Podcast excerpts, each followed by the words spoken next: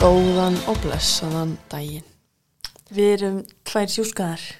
Heldur betur. Við erum uh, þreyttar og latar og Á túr. já, já, Tanja, Ég. Tanja er að túr.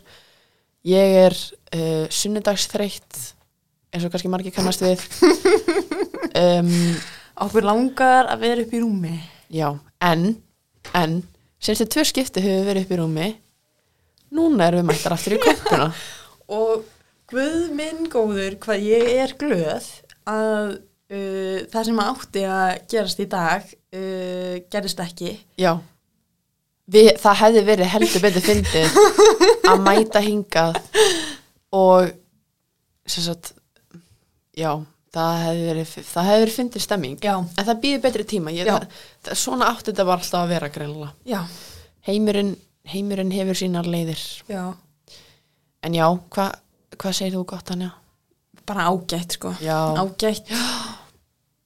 svona, Ég er samt bara, uh, já, ég er bara sjúskuð, ég er sjúskuð. já ég held að sé líka fínt að því að við eigum það til að vera svolítið undirbúnar Já. og núna þurfum við bara að fara út fyrir þægindraman okkar og vera svolítið svolítið svona chilla að ráði, skilju Já, já, já, já. Þetta verður bara létt bjall um, um eitthvað allt annað en við ætluðum að gera. já uh, Vistu, hann ég veit ekki hvort við höfum talað um það hérna, en eitt skiptið Já. sem við vorum hérna að græja upptökuna, uh -huh. það rákust við á hlaðvarp já, sem heitir Kallakofin já, heldur betur uh, og við förum eitthvað að skoða þetta og, og útrúlega forvitnar eitthvað, hvað getur þetta verið? Heyrðu, þá er þetta bara einhverjir, þú veist, 12 ára guttar mm sem eru með hlaðvarp og svolítið að rífa af sér brandarana sælir og allt í einu myndi ég eftir þeim um daginn og ég tekkaði á þeim og það er alveg komnir margir þættir að það, og ég ætla bara að gera sjáta á þá þú veist, já vel gert hjá þeim að, halda áfram, já, það er geggja að þetta var einhverslega að fyndi, þetta var bara eitthvað svona þeir voru, eða svona í staðin fyrir að fara út að leika eða spila fótbolta, þá fóru þeir bara að búið til podcast já og þú veist, ef það er ekki bara nýja kynsluðin í hnótskur þá veit ég ekki hvað ég finnst það frábært bara, Vá, satt þegar þeir vera gamlir þá er þeir bara, já þegar en ég og amma þín vorum lítil þá var sko, þá fórum maður bara og tók upp hlaðvar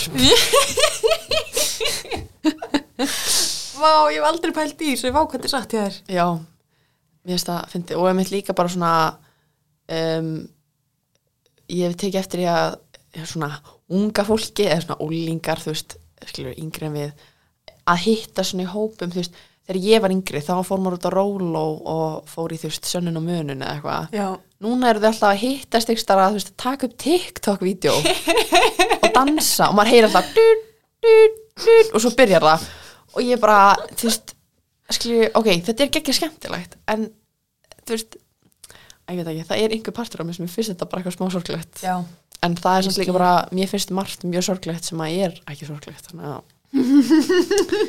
að já, Já, á ég að segja þér svolítið merkilegt já, Í endilega. dag, hvaða dagur er í dag? 15. Það er ágúst. sunnud, sunnudagurinn 15. ágúst árið 2021. Við erum stattar í miðum heimsvaraldarinn. Og bróður hans Þórðar, Mhm. hann Daniel Hann er að fara að synda Grettisundið í dag í skafrið? Já, Í alvörinni? í alvörni What? Það er Eða ekki það er allavega á dagskamni Ég? Hann og, og einhver einn annar held ég Þeir ætla að synda saman Já, og fyrir, fyrir ykkur sem vita það kannski ekki, þá er Grettisundið uh, sagt, sund á milli um, sem sagt, hvað er að segja? Me- Drangar og Íslands Já, í rauninni Meilands, Íslands, út í Drangi og Þetta er í einhverjir- Skagafyrði. Sjö kilometrar Já. pluss mínus Já, og, og sundið er kent við Gretti Ásmundsson sem að var heldur betur kingsi á sínum tíma. Hefur þið lesið Grettisögu? Já, ég, e, fyrir ykkur, jú, jú, ok, bá, ég ætla að segja fyrir ykkur sem vita ekki, en þú veist, í fyrsta þættinu mínum í þessu hlaðarpi uh, beraði ég a- alla mína æfisögu, þannig að þið ættu að vita sem hafi hlustað á þann þátt að ég bjó í tvö ár á sögurkróki. Já í í Skagafjörði og þar þurfti maður heldur betur að læra um Gretti Kingsa þannig að Ég skil. Já, en í- sko ég, ég verða við ekki ég man ekkert eitthvað mjög vel þú veist, ég man að hann ég man ah, nei, ég man ekki þetta er eitthvað svona að hann þurfti að slást eitthvað björn og svo var hann eitthvað að fara inn í eitthvað hús og fela sig og, en það er samt Þóður eiginlega bara segir hann hafi fengið að sofa hjá uh, konu bóndan sem tók á mótunum eftir sundið eða eitthvað. já, og svo, og svo gerðist eitthvað og svo þurfti hann æ, vá, ok, ég ætla ekki einu svona að reyna að halda áfram ég bara, og svo, hérna uh, nei, ég man ekki það En getur þau ímyndað þér að það synda þetta? Nei, mér finnst bara stórkurslegt að það sé, þú veist, að það er líka ekki að fyndi að því að, þú veist, skilur Grettir Ásmundsson er bara eitthvað svona þjóðsagna hitja á Íslandi, þú veist, það er ekkert víst að hann hafi alveg gert þetta. Nei, einmitt. Kannski er eitthvað bara bullsita, bara eitthvað, "Ah, gaur, það var einu sinni einhver sem bara sinti út í drangi og svo er allir bara eitthvað, já, bara þú veist, það er, þetta er bara eitthvað svona legendary saga, skilur Já.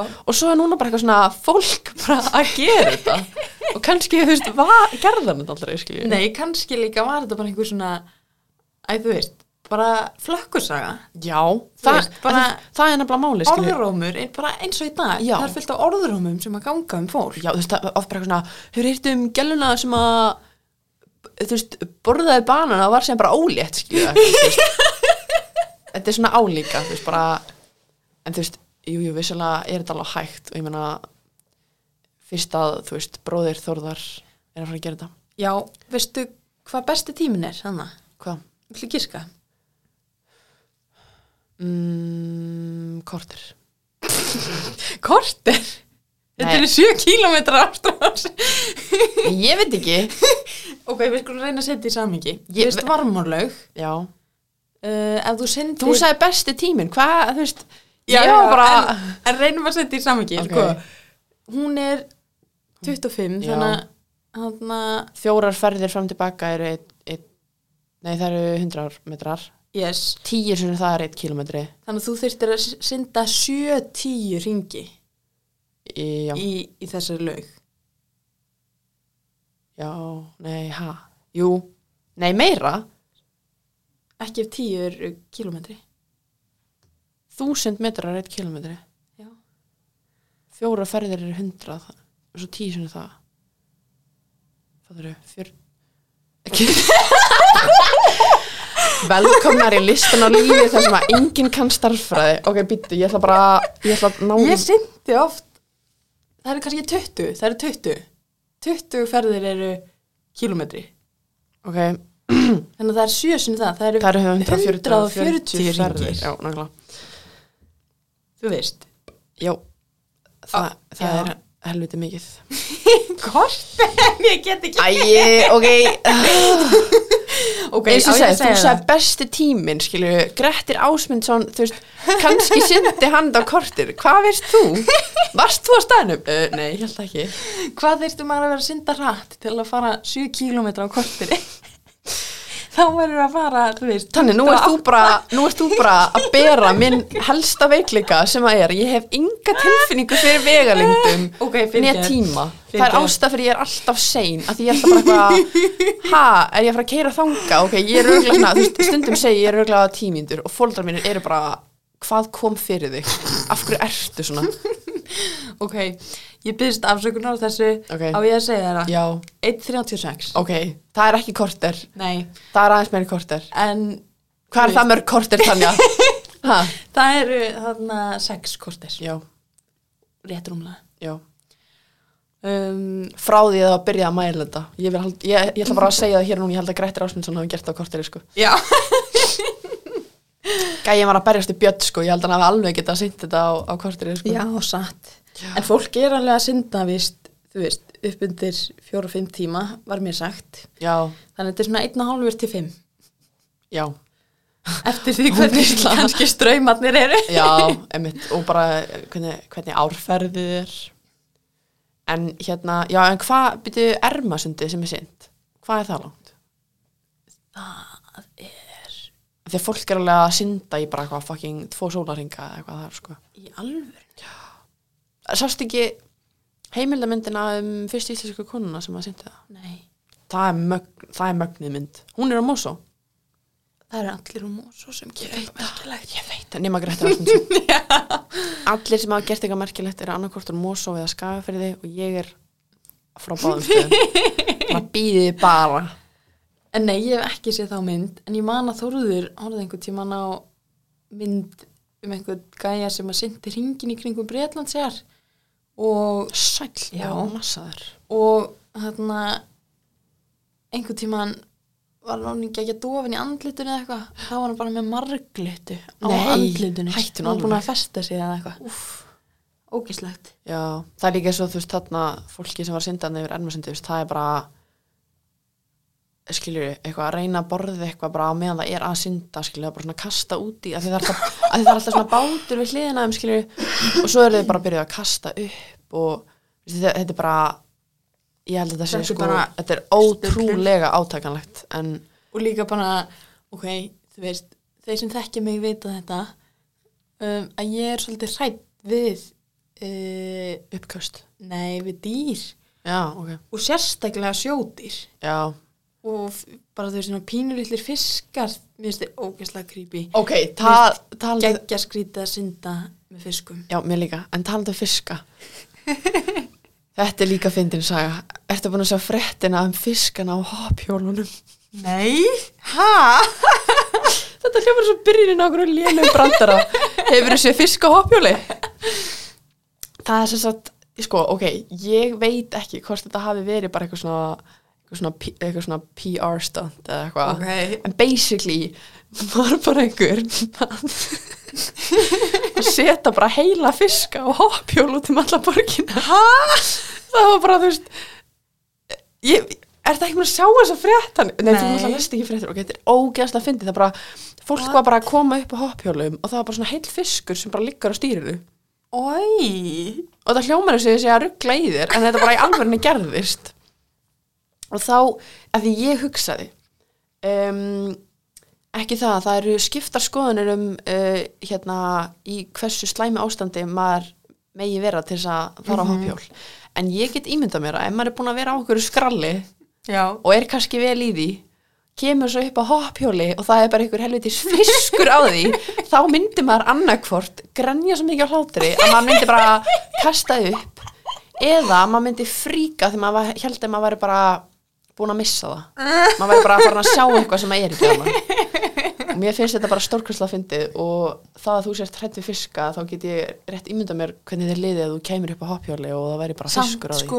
lifandi fiska já, þetta voru ekki lífandi fiskar Einu sinni var ég að synda í vatni í Svíþjóð Mm. og og ströggst eitthvað í fótinn að þér já, og ég var með vinkonu minni samt Mm.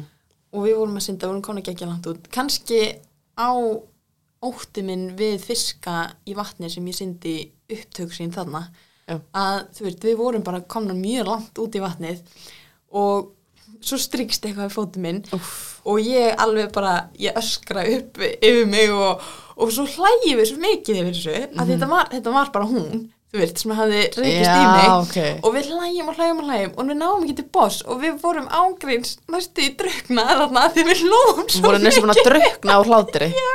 það, það er mjög fyndið Það er mjög fyndið en já, það sennilega byrjaði þetta þannig Já, ég held nefnilega að þessi að því að það er svo, ég man alltaf eftir því að það var, það voru alltaf ákveðnir aðilar þegar maður var í skólasundi sem að áttu svo erfitt með að synda í djúpulauginni mm. af því þeim fannst alltaf þess að vera hákall á botninu oh my god, ég tengi Já, ég er en, veistu hvernig ég var málug mm, það eru svona risastóri gluggar í djúpulauginni já ég var alltaf geggja hrættum að það kæmi hákall þar út og ég held að það segja að vera eitthvað að standa þar og horfa á þau ó nei og sérstaklega í myrkrið, þú veist, ég var að æfa sund Já, og þegar maður syndi þarna og það var myrkur úti um vetur og eitthvað og ég bara koma gæt, það kemur ágætt, það kemur ágætt Já. ógislega órökréttur ótti í sundlaug Já. á Íslandi Já, alveg bara klála, af því að líka bara þú veist, þú getur bókstæðlega bara hort niður og þú serða það nýr ekki annars, skilju. Já. En já, já ég, eh, ég- ég skil samt alveg, ég held að þetta sé líka bara svona óttin við hið óþökta. Eða þú veist að Já. þetta er svona, uh, ef, ef ég stend á gólfi, þá veit ég að það er ekkert fyrir neðan mig. En ef þú ert, þú veist, í vatni, þá gæti alltaf eitthvað verið, skilju. ég kalli þetta svona öfuð á loftræðslu Já, þetta er eins og þú veist, þegar ég er eins og mér finnst rosalega óþægilegt að fljúa í flugulum já, það er bara því að það er ekkert fyrir neðan mig skilur, Já. ég get ekki stíðin, eða þú veist, ok, væntalega gólfið á flugvölinni fyrir neðan mig, ég get alveg sti- staðið á því en æ, þú veist bara ok, ég var á náttúrustabraut en sko eðlisfræðan á baku flugvilar fokkar ennþá í mér af því, Já. þú veist, ég er búin að læra hvernig það virkar, ég skil það alveg svona einhver leiti, já, en þú veist, what the fuck Hvern, þú veist, hún er bara hana það, er, það heldur, ekkit, heldur hún ekkit uppi skilur nei bara, þú veist, eðlisfræði guys, þetta er sko, i- it's crazy. veistu hvað mér dreymdi fyrir nokkrum dögum Æ, ég og Þórður, við vorum á Kanaríeigum ok. og vorum að reyna að finna okkur Í COVID eða Bát. ekki COVID? ekki COVID Ok, og við vorum að reyna að finna okkur einhverja siglingu þú veist, til að fara á einhverja aðrar eigjar ok. og það gekk mjög illa og í, svo var einhver flugvél hann að fljúa og var að taka einhverja svaka dýfur Mm. svo var hann allt í einu orðin þú veist, loðrétt í loftinu þannig að þú veist, nefið var bara beint upp í loft og, og hvað heitir það? Sporðurinn. Sporðurinn Nei, er ekki, er ekki kallað stélið. Jú, jú, Er það stilið, ekki? Já. ég held það Já. Mér finnst það mega senn Þið veitir hvað ég meina Já. og Rassin á flugvölinni. hún var sér bara loðrétt í loftinu Já. og var að fara í svona ringi þú veist, á hlið basically. er ég að lýsa þessu? Ertu að sjá þetta fyrir? ég sé þetta fyrir mér, en... bara Ha? svona eins og ringekja, þú veist Já. ímyndið ykkur að það væri flugvél sem að stæði svona upp á endan á ringekiupalli Já, og vængirnir í rauninni mynda hringin. eða þú já, veist, já, já, akkurat Ha? það var bara ókýrslega stæði þetta var líka sjúkla stór flugvél alveg bara sjúkla stór Vá, hvað þetta er random draumur. já við dreymdi líka einhver tíman fyrir í vikunni að uh, yfirmaður minn á leikskólanum sagði þú veist, ég var á leikskólanum og það var annað fólk þið vitið að maður þarf að sjóða óléttupróf áður en maður tekur þau Já. Þú ert, þú ert alveg keksur uglið henni. ég veit það, En- mér hefur en- dreymt svona mikið síðan ég skipti um herbergi heima þarna, í Mosó hjá mömmu og pappa Já. þú veist, ég var Er einu ykkur, sinni í einu er ykkur herbergi illir andra að ásækja þig? öruglega og þú veist, ég veit ekki hvort ég sé að búa þetta til Mm. en þú veist, ég man eftir að hafa tekið eftir í svona vá, mér bara, mér dreymir eitthvað geggja skrýta á hverju nóttu þú veist, ég flutti þannig inn þegar ég var í áttundabækka eitthvað -hmm. og, og mamma segir við mig vá, skrýtið, mig dreymdi alltaf geggja mikið þegar ég var í þessu herbergi af því að þau voru þar á undan mér What the fuck? og svo hefur það bara ekki hætt og maður getur Oh kannski bara einhverju myglusveppir í þessu herbyggi og þeir eru bara að trippa bara á nóttinu, þeir eru bara í vímu og það hefur ennst alveg bara í Já. heilt ár eftir að ég flutti út já, alveg klála já, þetta er áhugavert ég, ég tók einu sinni eitt versta tímbil lífinu þar sem að mér dreymdi svo mikið á nóttinu að ég hrökk upp á hverjum einasta matni og þetta er rosalega erfitt með að muna hvort að eitthvað hefur gerst í alvörni eða hvort mér hefur dreymt það Ó. oh. að því að mér var alltaf að dreyma um bara fólki sem ég er að hitta dagstælega, skilju Já, að gera eitthvað mjög eh, svona venjulega hluti það gerist aldrei neitt skrítið þannig að stundum þurfti ég að spyrja fólk gerðu þið þetta? og þau voru bara eitthvað, nei, ha? og ég eitthvað, "Oh, shit maður, mér hefur dreymt á þannig að ég var einhvern veginn bara svona eða þetta var mjög creepy mér leiði svo ég væri í bara The Matrix eða eitthvað, ég hef ekki séð hana nei ekki heldur Ok, þetta er bara svona frasi sem maður notar um eitthvað sem að manni þegar manni líður sem maður lifi í síndarveruleika já, ok Þú veist, ég veit ekki eins og um, um hvað það er Matrix, Já, þú veist, ég veit að örgulega að þú myndir segja mér það já En, þetta er bara þú veist, í rauninni að það sé einhver annar að stjórna þér þú veist, mm, að veruleiki þinn er bara svona eins og Sims eða eitthvað oh, Sims, talað um Sims maður ég þarf að fara að koma mér aftur ég bara, málið, er, ég er svo hrætt við að því að þú veist, núna finn ég, undanfæðan dag er ég búin að hugsa ó, oh, mér langar að fara í Sims já en skólinn er alveg að byrja Það, það er gott að koma því út áður en að nei, þú- að því að þú veist, ég veit aldrei hvað þetta var lengi það þetta er, mér- þetta er svolítið svona eins og að vera þú veist, fíkill og ég er svona komin að rétta braut en langa með þetta aftur í þetta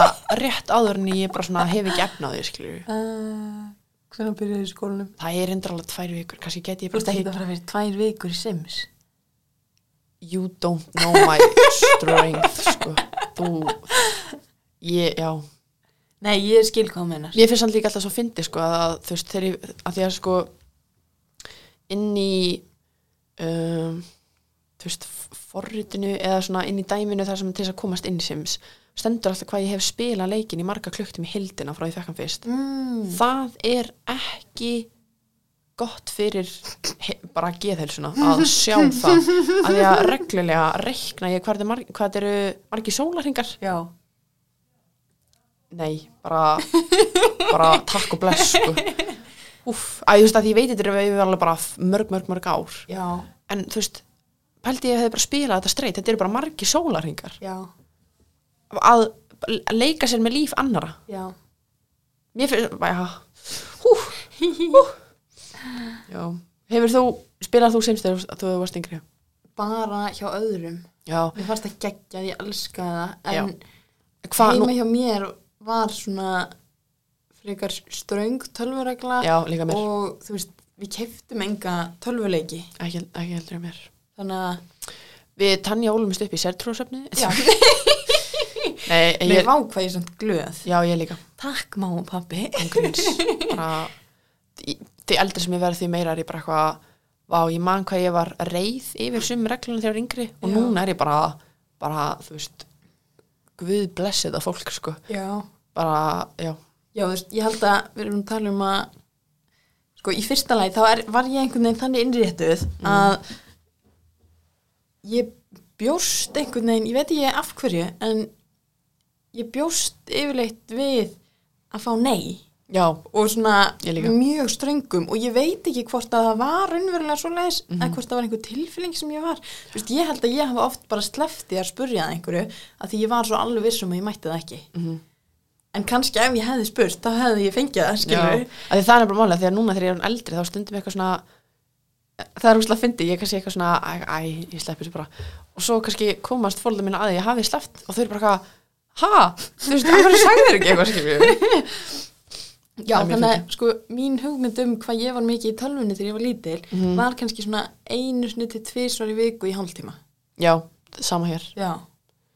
já, og Og, ég, hluta til var það sennilega bara að því að ég þorði bara að spurja einu sinni til Já. tvisvar í viku Einmitt. Þeim að, já, en þegar þú varst að spila Sims hjá öðrum, nú með, þú veist, nú með hvað Var Ekki það? hugmynd var þetta, þú veist, voru, voru kallandar í svona eins og þrývit eða þannig? Ég veit það ekki Nei, ok. Þú veist, Ég man eftir að hafa einu sinni spilað þú veist, hjá frænda mínu þú veist, kærastan hans átti þetta og þú veist, eitthvað, ég fekk að vera með hann aðeins og svo man ég einu sinni eftir að hafa verið í Danmörku Já, og svo átti besta vinkunum mín þetta mhm.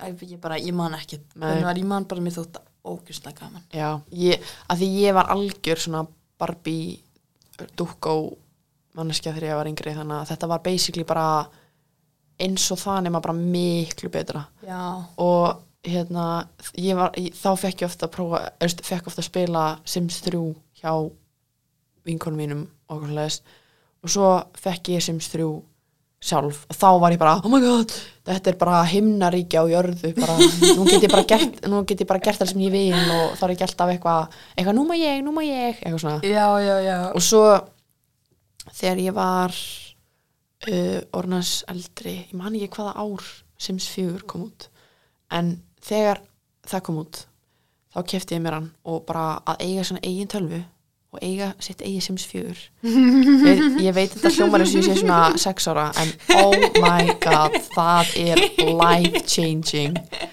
og bara sitt maður Sims 4 er líka bara hann er svo góður sko er mæl- það svona eins og að vera einn heima þegar maður er já 14 ára í fyrsta skipti Já, og mega borða það sem þú vilt Já, Það er svona sama tilfinning og, og horfa á það sem þú veist Já. og maður bara Og eins lengi- og- eitthvað frelsi og, og, va og vaka eins lengi að maður vill og eitthvað. Mér varst það líka alltaf Ég var alltaf svona típan sem bara eitthvað fór í styrtu klukkan þrjú á nóttinu bara því ég gata Því ég var bara eitthvað "Ah." klukkan er þrjú, ég ætla bara að fara í styrtu og það getur enginn sagt nei En það er bara svona, af hverju myndir ég gera það Akkur ekki bara fara að sofa, skilju Ah, Maður er svo klikkaður, sko já. Já.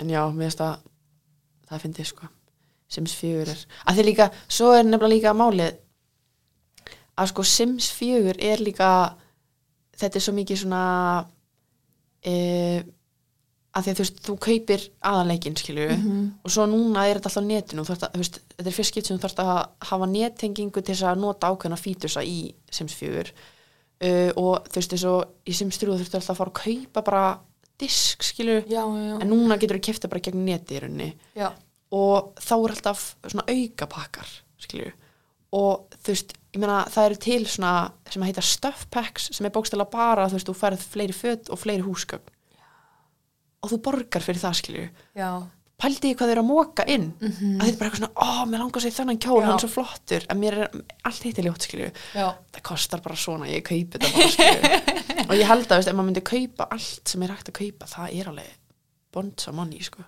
Vistu hvað mér fannst skemmtilegast að gera? Hva? Sem, sem ég er að fatta núna bara eitthvað, oh my god, vákað mega mikið sens. Uh. Ég sko dyrkaði að gera hús og Já. raða inn í húsin. Já, ég líka Sammála Vá, Sims er bara geggjað forrið til að hanna húsið sitt. Já, Ég er nefnilega, ok, þetta er ógislega skrítið, en eins og til dæmis um daginn, Já. þá ætlaði ég að kaupa mér skipulagsdagbók. Mhm.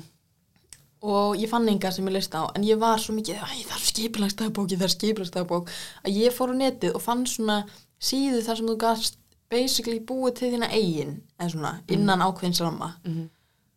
Þetta kostaði 50, 60 dólar og ég var aldrei að fara að kaupa þetta, en ég hafði samt svo mikla þörf fyrir að gera þetta. Mhm. Þannig ég bjóð til skipulagsdagbók sem ég var ekki að fara að kaupa já, um, á sama hátt þá fæ ég stundum svona þörf fyrir að uh, búa til hús já, og það er mjög erfitt þegar maður kann ekki á svona forrið Já. en ég hugsa, ah, Sims er fullkomin staður til að gera þetta af því það er svo auðvelt já eða þú veist miklu auðveldana heldur en að vera í einhverju teikni forritið sem maður kann ekki á og Mhm. sem maður er hvort þið er ekki að fara að líta út eins og hús að Já. þetta er teiknað Já, og líka mitt, mitt að þarna og svo getur þú bara, þú veist, búið til fjölskyldi og láta hana búa þar, skilju Það er líka, mér finnst það, þú veist, það gerir þetta ennþá skemmtilega Já, oh, Ég var líka, ég var svo klikkuð að ég var alltaf bara eitthvað e, þú veist, ef það var eitthvað svona leikari sem að mér fannst sætur eða eitthvað þá var ég alltaf svona, þá, þá bjó ég alltaf til mig ég var, þú veist, mamman já og svo bjóð ég til þennan leikara og hann poppin og svo bara leti þau, þú veist, leti basically okkur bara giftast og eitthvað spötna og eitthvað skilju Er Sims uh, er hægt að kalla það um, hvað sem er interaktiv hvað þýr það? Hvað, hvað er það á íslensku? e... Gagnvirt. Eru það gagnvirkar bókmyndir? það er þetta mjög góð punktur af því þú ert basically, þú býr til sögur Já. í Sims og þetta er svo, sko þegar ég var yngri horfði ég rosalega mikið á svona e, fólk á YouTube að spila Sims sem Já. að er, e, ef maður hugsa út í að ógeðslega skrítið að horfa á annað fólk spila tölvuleik þar sem það er bara eitthvað að láta eitthvað fólk gera eitthvað skilju en þetta bara fannst mér alveg stórkastlegt af því að mér fannst þetta bara svolítið eins og að horfa á þætti að þetta var alltaf bara svona by- byggt upp þetta bara svona episodes og það var bara eitthvað svona og svo héti alltaf eitthvað svona "Ah, hún gerir þetta, oh my god og eitthvað svona, og þú veist, þessi fyrir skóla og þessi gerir þetta, eitthvað svona og svo var maður bara farin að, þú veist, þekkja personar og eitthvað og svo þegar ég byrja að spila þetta sjálf þá var ég alltaf svona að hugsa inn í mér svona ah, vá þetta er svo vandralegt, þetta er svo vandralegt eins og þetta var þegar ég var yngri, ég er hætti sem núna þá var ég alltaf inn í hausnum að mér svona að hugsa svona, basically bara að hugsa hvað ég væri að segja ef ég væri þú veist, svona að spila og væri að taka það upp, ef veist hvað ég meina Já, já, já. svona eins og já. sumi krakkar í dag svona þykjast vera svona gamers og eru Já. þú veist að tala með þér og spila þó þessi ekki að taka upp Yes. gerði þú að líka, ég veit ekki hvort þú hafa gert það að gera svona svona make-up tutorials nema það er enginn að taka upp Nei, af því að þannig að ég bara á sama hátta með tölfur já, þá komst ég aldrei almennilega inn í uh, snirtifuru heiminn. nei, skilurðu. ok um, ég tók kannski svona þryggja ára tímabil þar sem ég reyndi að mála mig mm. þú veist, var með maskara Já. kannski nýð og tíunda bekk og púður eða eitthvað en þú veist, ég komst aldrei al almennilega inn í það og svo var ég bara ekki að slæmi húðina því að vera með eitthvað á henni Já. alltaf og ég hætti því bara já, sko, mér er alltaf fyndist mjög gaman að mála og ég var mjög hrætt um að missa augnárin af því að mér fannst alltaf þegar ég tók maskaran af eins og það væri ekki ekki mörg augnár að, að Er detta með það? þetta var örgulega ímyndun en ég varð mjög hrætt um þetta og þess vegna hætti ég að nota hann Á, ok. Já, ég sko, mér, mér fannst alltaf ótrúlega gána að mála mig af því það var meira bara svona ekki eitthvað til þess að vera eitthvað svona sætari eða eitthvað, þú veist, það var meira bara svona eins og að mála Já, nema já. þú veist, ég var bara að gera það í andlutin á mér já, en ég var alltaf að gera eitthvað svona crazy look eitthvað mm og þú veist, þá þegar ég var svona tíjar og þá var ég oft bara eitthvað eitthvað að útskýra hvað, ég veist bara, oh my god, þetta er svo vandrarlegt, sko, maður var svo ég, bara, ég var svo vandrarlega krakki, sko en ég, ég veit samt alveg ég hef pottitt gert þetta með eitthvað annað mm, að því að þú veist, ég tengi alveg tilfinninguna já og, og, þetta, ég tengi ekki einhverja ákveðna minningu við það já, ég held að þetta sé líka bara einhvern veginn einmitt, af því að þú veist, áðan var ég að segja eitthvað svona þessi úlingar eitthvað svona er að hittast eitthvað TikTok og svo þú veist, þess að þessi strákar að taka upp hlaðvarp, þú veist, þá ól, allan að ég, þú veist, og þú náttúrulega líka, þú veist, þú sért bara fjórum, ál- fjórum árum eldri en ég, þú veist, við ólumst upp við þessa svona YouTube menningu einhvern veginn og þú veist, já, ég held að það er svona einhvern veginn þú veist, fóreldra okkar sem krakkar myndi finnast það fáránlegt að vera eitthvað eitthvað, og nú ætlum ég að gera þetta og það er eitthvað svona, þú veist já, ég fór samt heldur ekki þú veist, ég uppgötaði ekki YouTube fyrir en ég var 14-15 ára Ó, ég var alveg svona ég var alltaf að horfa á hana Soella og, já, ég hef aldrei hort á það og hérna, hvað heitir hún Be Bethany Noel uh, alltaf að búa til eitthvað svona DIY dæmi og eitthvað veit ekki eins og hvað það er Nei, ok. Ég var alveg húkt af því, ég var alltaf, þú veist, einu sinni klifti ég ból sem ég átti og var eitthvað föndur eitthvað dæmi úr, fannst þetta geggja kúl. já, Núna þegar ég sé myndir af þessu, þá er þess að ég hafa bara lítið bílslýsi. Þetta er bara ágeðslega ljótt og ég bara tók ég að setja myndir af þessu. Æ. já Það sem maður en gerði, sko. ég hef bara greinilega alltaf verið e, svona ekki að fylgjast með I'm not like the other girls. Já, nei, ég skilði alveg. já, þú veist ég allt, ég held bókstaflega allt sem mann tengist einhver svona eitthvað svona típist sem að krakkar og úlingar gerður, það upplifði ég í gegnum bestu vinkunum mína Já, þú veist, hún byrjaði að mála sig á undan mér og þá var ég pína eitthvað svona "Ah, oh my god, hvað hva er að gerast já, mhm, hún fekk fyrsta brjóstaldan sinn á undan mér og hún átti Sims og fekk að vera geggja mikið í tölvunni já, og ok, geggja mikið, meira en ég já. skilur við, það þarf ekki að vera mikið Já. til að Hún til var að bara, vera meira hún var alltaf í tæminni. Bara alla svo lengi. Þú veist, það, var svona, það var aðeins meira uh, meiri frelsistilfinning í kringum hún var líka, þú veist, þriðja barnið Já. skilur við og já, ég er endar annað þannig að, Já. veit ekki, Nei, bara, þú já. veist, að, aðeins meira svona frelsistilfinning Já, mhm, hana og um, og systur hennar voru náttúrulega þú veist, þær voru svolítið mik mikið eldar en hún já. Þannig að Þannig hún var að svona baby, við- babyið. já og við fengum einhvern veginn þessa uh, upplifun af uh, úlingaheiminum skilur, Vi, Já. við vorum að horfa á það í beinni skilur Já. Ég skil hvað minnar.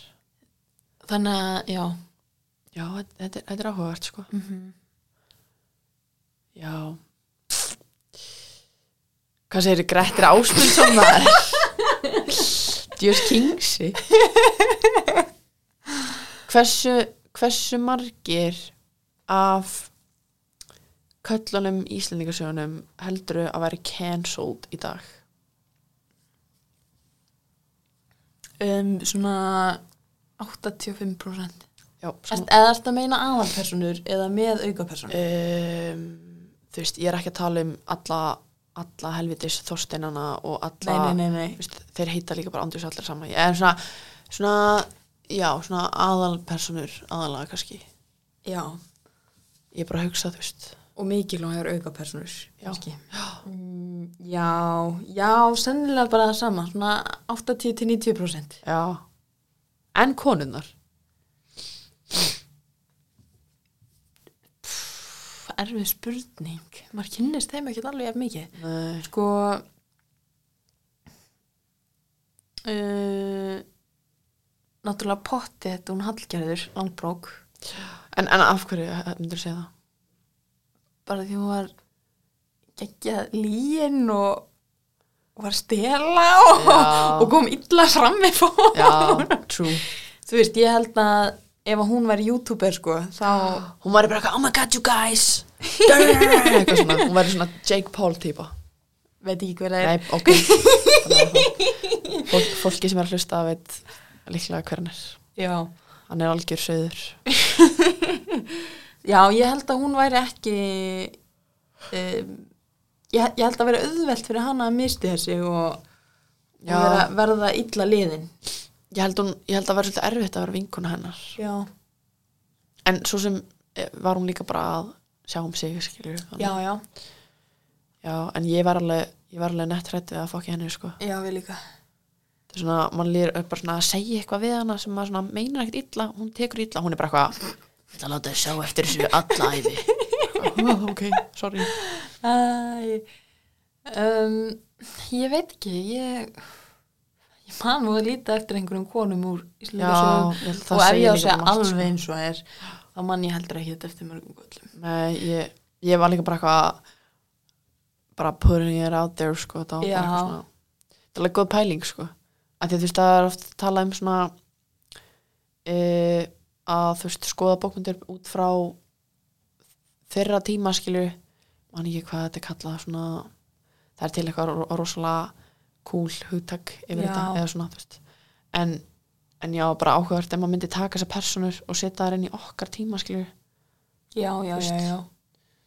að því að mér svona í dag þú veist þá er maður svolítið orðið maður verður svolítið varfið að það eru ákveðnir einstaklingar sem eru kannski að svolítið drullu upp að bakk og svo einhvern veginn eru þið bara sendir í útlegð til Tenerife þar sem þeir eru að þú veist trúpa á okkur um bar og svona bara þú veist þú veist það er bara áhugavert að því að útlegð er eitthvað svona orð sem að maður pælar ekki mikið í á okkar tímum en, Nei.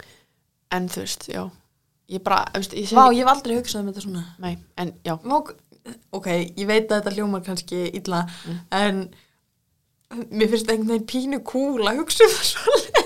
nei, þú veist að því að Þú veist, nú, er, nú hafa tveir sem að nýlega hafa verið bara, í umfjöllun, já, Að- basically bara að ég, tveir kansilæs.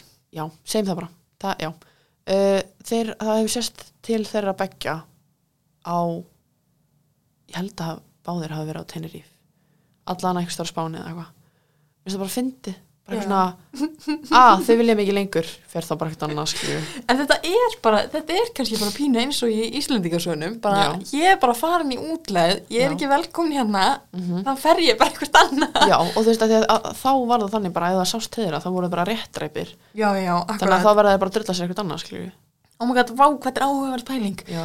Ástrós. Ég er samt svolítið smá hrætt við að tala um þetta, þetta er svona, þetta eldfimt efni, en, en þú veist, Já. þetta er allan að mín pæling, mér er þetta áhugavert. Þetta er svona, Þetta væri, þetta væri sko sjúkla áhugaverð reitgerðarefni, er já, þetta að grínast? og líka sko að því að þú veist, ef að við gerum þetta við fleiri, alltaf þeir séðan bara stopna eitthvað bandalagan úti, eða þú veist, það er bara komin einhver hópur af einhverjum Útlegum. illa séð gæjum sem eru bara eitthvað að eiga vandrarlega margt sammeðilegt skilur þetta er svona hvað hva, þú veist æ, já, ég veist það bara þetta er svolítið áhugavert Já. kannski ég skriði ríkir um þetta bara Kannski. bókendafræðar já, en já, þetta er, þetta er áhugavert Vá, ég er, alveg- ég er bara spennt yfir þessu ástrós. Ángríns, viltu skrifa reitgerð já, um þetta? ég skal bara klála að gera það sko. Samanburður á kansermenningu og útlegð.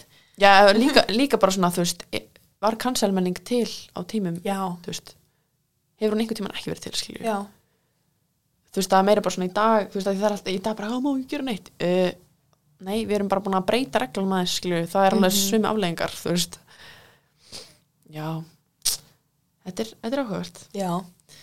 kannski vinn ég bara Nobeltvelin fyrir það Kanski. what, það væri crazy ég ætla að fyndi, ég myndi mæta herru, ég er að Nobeltvelin hafi um, já, þannig að þá getum við bara að byrja að kalla þetta Nobeltvelin að hláðar Helduru að það fara að koma Nóbelsverðlaun fyrir hlaðverp?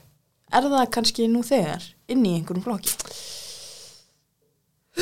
mér finnst það svona frekar ólíklegt sko. Af því ég meina þetta er alveg miðill þannig að en minna, veist, fær fólk nóbelsölinn fyrir útvarp skilju, ég bara, ég veit það ekki ég held það ekki sko. ég held þetta sé rosalega svona sko, e elitismi í þessu eða skilju ég þetta svona man að eitthvað hlaðvarp sko, þegar við Ingibjörg vorum að senda inn umsókn á hérna, í, í bachelor já, nei hva, já, akkurat nei, Nei, í- fyrir, fyrir fyrir styrkinn. styrkin já. já, þá uh, var kennari úr háskólanum sem las yfir þetta hjá okkur og kom með einhverju punta og kom til dæmis með þann punkt að eitthvað hlaðvarp, eitthvað danst hlaðvarp, bókmynda hlaðvarp hafði unnið einhver verðlun, þú veist Mm. á, ah, ég man ekki hvort það var, þú veist, fyrir bara frétt á bladamennsku eða, Já. eða eitthvað á þeim vettvangi svona, mér finnst það mér finnst það líka- mér finnst það alveg líklegt sko, en Já. ég veit samt ekki ég veit samt ekki með nóbelsölinu sko. nei, Ég held að það sé svona svolítið grafið, grafið í stein þú veist, það er bara bókmyndir Já. eðlisvæði, uh, fríðarverlun og eitthvað svona já, satt Paldið myndi fá fríðarverlun Nobels fyrir þetta hlaðvarp það var Byrju, hvernig, hvernig sko, myndi það vera? Sims Djók, uh, um, ef að við myndum ef við myndum krakkar, verið þið góð við alla núna, núna fáum við þessi velun Já, nei, djók nei, ég ætla ekki að gera lítið úr þessum velunum þetta er nei, þetta eru þetta er, þetta er falleg hugsun að veita einhverjum verðlaun fyrir var ekki einhver sem afþakkaði, einhver rithöndur, bara nýla mm, var það ekki hann að Murakami eða eitthvað? ég veit það ekki, mér finnst alveg líklegt að því að rítvöndar eru svolítið típuna til þess að þakka alls konar hluti þegar einn finnst þeir Veist, í mörgu tilfellum meikar það sens en mér finnst bara svo fyndið að heyra já, eitthvað rítvöfundur undrar að afþakka því ég bara, jesús aftur, Alltaf eitthvað afþakkast Já, myndir þú afþakka verðlun einhver tíman? Sko, þú veist, ef að allir sem hefur fengið þessi velinu undan mér væri ykkur algjörir hálfvitar, þá fyndist mér kannski smá skrítið að ég væri að fá þessi velin og þá myndi ég mögulega afþakka þau Af því að því að liði þá eins og eins og að það væri verið að sem sagt, samsama mig við fólk sem ég kannski tenk, eftir, er ósamála og vil ekki láta bendla mig við Þú veist, bara eitthvað, Já, já, ef já. það er eitthvað velun sem að bara, þú veist, einhverjir nasistar hafa fengið þá var ég bara eitthvað mm, Nei, þú veist, ok, takk fyrir gott bóð en veit ekki alveg með það, sko Já, ok. en, en ég- svo finnst mér svo sem líka eins og sko hana Raspberry velunin sem eru þú veist basically andstæðan við Óskarinn, það er verið að gefa velun fyrir verstum bíómyndirnar. Já, Mér finnst það svona, ef þú myndir afþaka það, þá ertu bara þá, þá, það er bara vandralegt, það er miklu fyndan að mæta hana Já. með einhverja þakkaræðu, skilju já, og bara óna það að það sem hún gerðir var kannski bara ekki nógu gott já, já.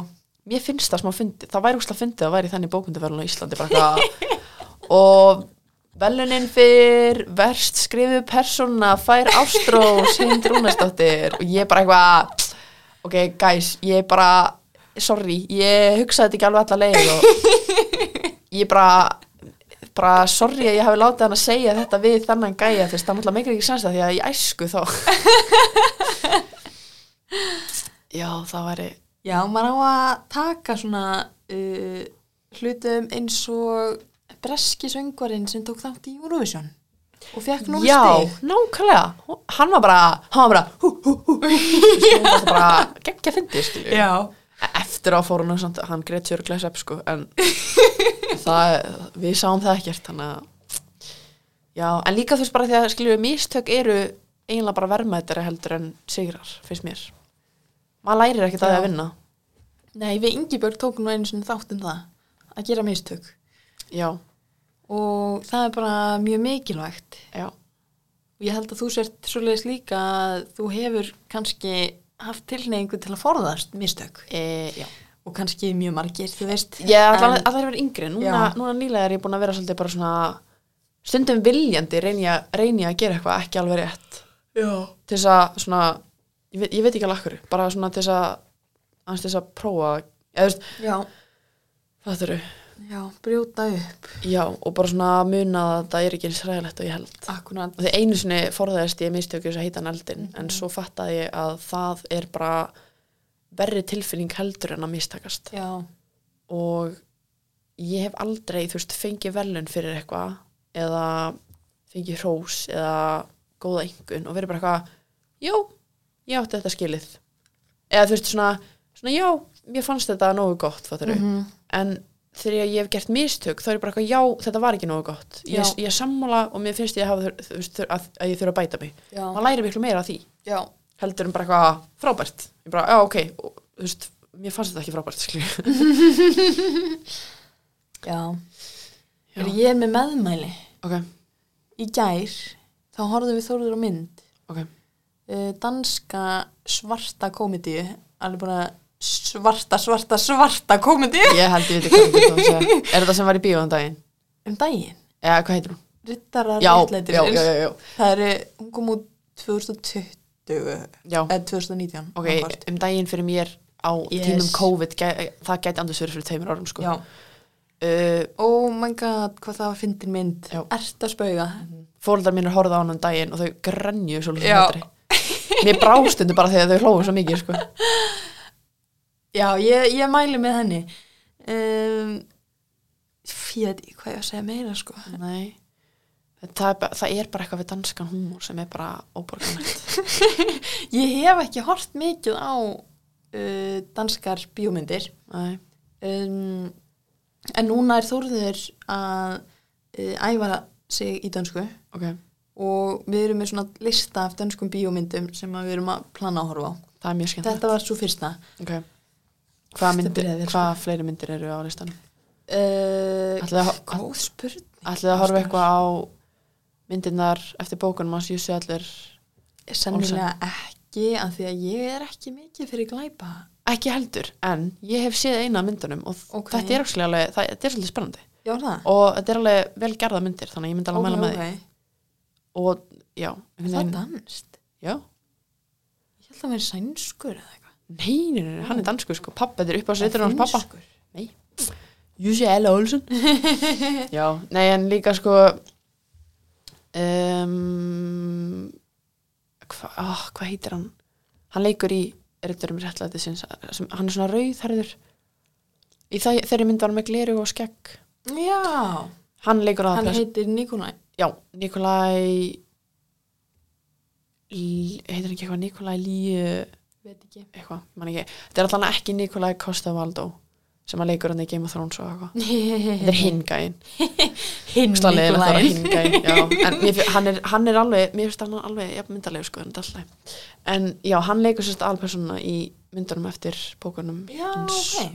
Júsiela Olsen Já. Vá, oh my god Tanja, vá hvað er fyndið, við myndum einhvern tímann taka upp heila hlaðastátt bara á dansku Oh my god, það væri brjálaðislega að þetta fyndið. er svona, þú veist, þú náttúrulega ert hálfur danisklu Já. og ég bjó í Danmörku þannig að danska mín er sko hörmuleg, það væri ógeðslega fyndið við eitthvað svona ég er alveg að svitna eitthvað að reyna og þú bara eitthvað, mjúr, eitthvað þú veist. það er reynda smá leðilegt fyrir það sem skil ekki dansku en Ég er heldur ekkit alveg með sko bókmentalingu eða reynu í dörsku. ég, ég er bara ekki eins og með fullalyslinguð Ok, ég er líka pínu þar sko. veistu hvað ég fekk veistu hvað komment ég fekk fyrir ári Hvað? það var einstaklingur sem ég þekki lítið sem ekkert uh, sem að hérna, ég sagði eitthvað svona í djóki á dönsku og hann eitthvað, oh my god hérna, bjó- eitthvað, kanntu dönsku, bjóðst í Danmörku ég eitthvað, já, og byrjaði að tala dönsku og þá komst ég að hann hafi búið í Danmörku bara miklu, miklu, miklu lengur en ég skilju, já. og svo byrjar hann bara að drullu við dönskunum mína og ég bara eitthvað að segja að ég tali eins og ég sé fimm ára og ég var bara eitthvað, já, það er kannski að ég flutti heim frá Danmörku þegar ég var sjö ára og núna er ég mjög lítil í mér að tala dönsku við fullur Ó, fólk ég af því að skil. basically tala ég eins og ég sé þú veist, bann, Já, skilju þó ég sé orðið 19 ára, danska Já. mín bara stoppaði þar já, sem er, sem er svolítið vandrá en það er ekkert sem ég get í, eh, ok, jú, ég get alveg gert eitthvað í því en það er ekkert sem ég nenni að gera í því Nei, skilurðu. nei, nei, ég skil. Já, en ég reyndar afgriði mann um daginn á bóksannu Já. alveg á dönsku. Ok. Það var, ég var mjög stolla sjálf mér. Ég held ég væri búin að missa þetta alveg en ég náði að rætta mér. vá, geggjað Já. ég fæ alltaf pínu kikk svona þegar að- þegar að það eru danir í kringum mig Já, ég líka. á Íslandi Já. sem að ég þarf að tala við Mm Þegar ég siti í strætó og heyri fólk tala saman dönsku, það er ég bara eitthvað. "Ah, ó, færðu þess nýmaðan Ó, já. pínu hérna." Já. sem ég geggja skrítið en samt ekki, en samt Já, þe- þetta er bara eitthvað, þe- þetta er eitthvað svona, eitthvað svona nostalgía fyrir mér, að því Já. ég ólst upp í Danmörku. Þetta er svona minni mig á bara að vera eitthvað lítil og, og, og saklaus og eitthvað. Já, Já, svona er þetta. Heru, við erum búin að setja hérna og bladra í 50 myndur um, ekki neitt Já, Nei, en, grín. en mér, þa- ég held að þetta sé líka bara skemmtilegt fyrir hlustendur að fá líka kannski að kynnast okkar hans betur. Já, uh, ekki alltaf að vera eitthvað óksla góða með okkur að tala um eitthvað bækur og, og þykist hafa háflægur hugmyndir um það. já Þetta er, þetta er svona uh, ég ætla að segja þetta sé svona þátturinn sem þið getur hlusta á þegar þið liggið upp í sófa dauð eftir uh, Eftir helgarstúsi já, eftir gott partí og nenni ekki að þurfa að hugsa um eitthvað erfitt það er bara að hlusta á þannig þátt þar sem við erum að ræða um uh, Sims og Gretti Ásmundsson og, Já, og bara alls konar mér finnst það bara frábært já, þetta er búið að vera mjög næs já, Mjög, mjög, mjög, mjög næs Og enn og aftur ógisla er ég fegin að þetta endaði í þessu en ekki hinnu og þið munið koma staði hvað þetta er Já. og þið verðið örgulega líka fegin þegar þið komið staði að við gerðum það ekki í, Já. Ah. í sjúskuðu ástandi án gríns svo satt á ég samt að segja þér Já. sko, sem sagt, við erum ógstlega eitthvað að reyna að segja ekki það sem það er bara að vera um. ég, ég ætla bara að reyna að tala í kringum það basically, þú veist, það sem við vorum að fara að gera að, þú veist, fyrir það var í rauninni listi af bókum Já, og þú valdir eina sem að er bara svona frekar eðlilega löng skilju já, uh, og ég, samt alveg pínlöng hvað eru margar blasir? Ég meina ok, kíktu because I wanna know, af því að Eða hvað finnst þér eðlilega löng bók nei, vera? nefnilega, segðu mig hvað hún er löng Ég held þú sé nefnilega svona laumu löng. Hún er örugglega alveg 400 eða eitthvað. 435. ok, ok, ok það er samt alveg svona innan hæfilegra marka því að þegar þú heldur á henni lítur hún út fyrir að vera frekar eðlilega skilju Já. en uh, ég fór síðan var þú veist, að því þú komst og tókst þessa bók bara mjög tímalega, að því þú ert bara skipuleg manneskja Stundum. stundum, allan að oftar en ég, finnst Já. mér og með svona dæmi og svo er ég bara eitthvað þrejum dögum setna bara eitthvað, shit maður, ég á eftir að velja bók og fyrir að skoða, þær eru allar bara eitthvað 600 blaðsýður og ég á bara eitthvað, fuck my life Hvern, þú veist, jésús hvernig á ég bara þú veist, ég á bara panikaði og fór eitthvað að skoða þessa bækur og ég á bara eitthvað, það er allar svo langar oh my god uh, en svo enda ég á að velja eina sem að er 600 blaðsýður Já. og ég var bara eitthvað, ok, nú þarf ég bara að setja mig í bókmyndafræði gýrin þar sem maður þarf bara að vera skipulæður og bara deila niður á daga að blaðsýður, skilju Já. þannig ég las 300 blaðsýður á þremur dögum Já.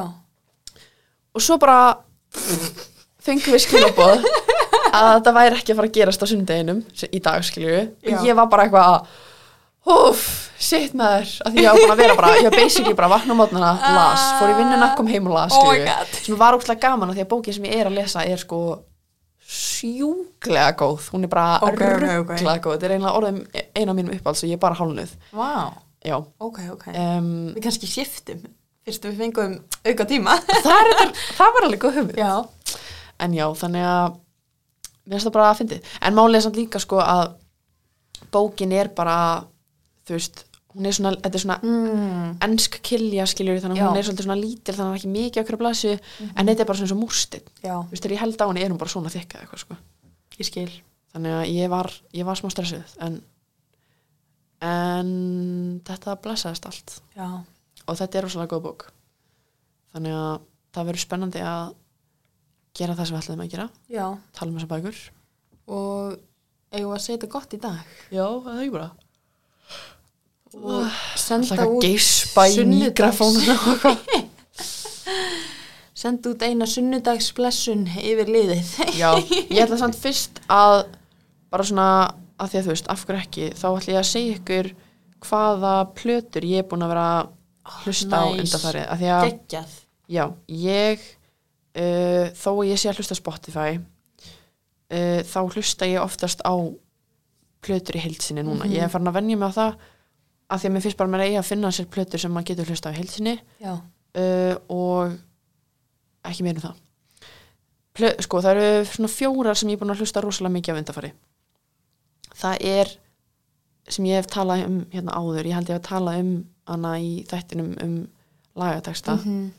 það er platan Folklore uh, með Taylor Swift sem kom út sensta sumar hún er amazing og vann Grammy velun fyrir plötu ásins þannig að ég þarf ekkert að eitthvað, pe- hæpa hana meira fyrir ykkur ég held að þið bara treystið Grammy í nefndinni Mhm. og svo uh, var ég búin að vera að hlusta á þessa plötu alveg mjög rosalega mikið og svo loksins hlustaði ég á sem sagt setni plötuna sem kom út sensta sumar já, sem er svolítið bara svona eins og framhaldsplata já, uh, og heitir Evermore og sko þú veist, tímar já, nákvæmlega, folklór, evermore nákvæmlega allt um Og- tímar er satt já, mikið rétt uh, og hérna sko, þú veist, hún er líka rosalega góð, ég, ég held að fólk sé aðeins meira uppaldi, en Evermore er líka brjálaðislega góð uh, og ef, ef þið hafið mikið náhuga á lagatextum þá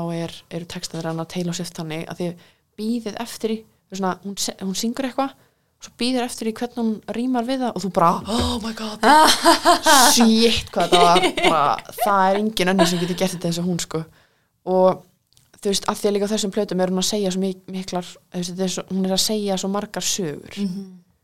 uh, ok, svo er ég búin að hlusta mikið á um, og ég ætla líka að taka það fram og þó ég sé hérna eitthvað að sýtandi þú veist, að mæla með þessum plötum, þú veist, ég er ekki fyrsta mannskjönd þess að hlusta á þessum plötur, þetta er alveg Mhm. mjög vinsala plötur en ég er bara, þú veist, segi ykkur hvað ég er að hlusta á já, svo er ég búin að hlusta mikið á plötuna sem að koma út með hljómsveitinu Haim H-A-I-M uh, í, á þessu ári, já uh, sem að heitir Women in Music Part 3 og Haim eru sem sagt þrjá, sys- þrjár systur frá LA sem að gera rosalega góða tónlist saman og þessi plata er þannig að ég get hlusta á hana allalega í gegn og bara þetta er bara svona my go to ef ég er að keira kveikja þessu og syngja hástöðum með öllum lögunum þau eru geggjuð og pródúseringin er rosalega fersk og skemmtileg og þetta er svona blanda af svolítið svona old school rocki og svona svo koma líka einhver ákveðin element inn í um, sem eru svona nútímalegri innan Já. gæslappa eða þú veist og svo e, plata sem ég uppgötaði svona kannski nýlegast eða svo leis sem er endara og þetta er, al- það er elsta platan af þessum fjórum sem ég er að tala um Mhm. uh, hún heitir Nothing Happens með hljómsveitinni Wallows tvöfaldvaf A-L-L og tvöfaldvaf S og það er satt söngarn í þessari hljómsveit er horfið þú að 13, 13 Reasons Why þættina, Þætt, nei, nei, mæ, en þú veist hvað bók það er já, ok, ég sá, lesið hana sá sem er leik aðalpersona í þáttanum hann er söngarn í þessari hljómsveit já, uh, og hérna ég sér sett bara eitthvað það var eitthvað að tala um þessa hljómsveit á Instagram og ég fór að skoða tónlistina þeirra og þessi plata frá 2019 sem heitir Nothing Happens er mjög góð og alveg þannig að ég get hlusta á hana allan í gegn og þetta er svona einmitt líka mjög vel gerð og þetta er svona já, svol- hún er mjög þétt og skemmtileg en líka uh, gljúb og áhugaverð og þar hafið það, þetta var Ástrós Já. Mér finnst þú eftir að fara að koma með svona vikulegt tónlistarhóttn í innan þátt Uh, já Það, sko ef, ég, ég er ekki smá að djóka þegar ég segi að ég, ef ég hefði tíman þá væri ég bara með tónlist að hlaðvarp bara, þar sem ég væri bara að þykjast vinn í útarpi og bara spila tónlist og tala um hana og eitthvað. þetta er bara skemmtilegasta sem ég geri sko. ég bara oh, Hefur það er slegið Hérna í frá verður Ástrós með tónlistarhóttn alveg, það er bara ekki mál sko. og svo skal ég já, ég bara ég tek þessu hlutverki opnum faðmi Geggjað Þannig Og að, já, farið og tekja þessu tónlist já, það er heilvæði vikunar farið að finna já, annarkvist þessa tónlist eða einhverja aðra plötur sem að þið hafið kannski verið að hugsa um að hlusta á eða að þið heirt eitt lag af eða bara mm -hmm. finnið einhver einhverja plötu og hlustað á hana Já, og ég mælum með því að hlusta á hann í helsini þó þau séu að hlusta á streymisveitu uh, að prófa það já, og mynd finna einhverja sem þið að því, þú veist, að því ég skilða alveg þú veist, það er alveg eitt og eitt lag sem er óksla flott en platan er ekki spes sko. en svo er svo gaman þegar maður finnur af því að þetta er svona basically þú veist að finna heila plöti sem við getum hlusta á er bara eins og að finna geggja mikið af frábærum lögum eða þú veist, Já. veist hvað ég meina, þetta er svo eitt langt lag eða eitthvað uh, og ef ykkur langar að hérna kynna ykkur uh, mjög skrýtna og vandralega þróun á mínum tónlistasmekk þá getið líka farin á Spotify hjá mér, ég heiti bara Ástur Sindri Rúnarsdóttir á Spotify og uh, skoðað playlista því að ég er með playlista frá 2016 og Ah, það er já, já. fáránlegt bara hvernig þetta hefur breyst í gegnum tíðina já. þannig að já, bara farið og st- eldir hellið já, inn á Spotify já og bara góða stundir já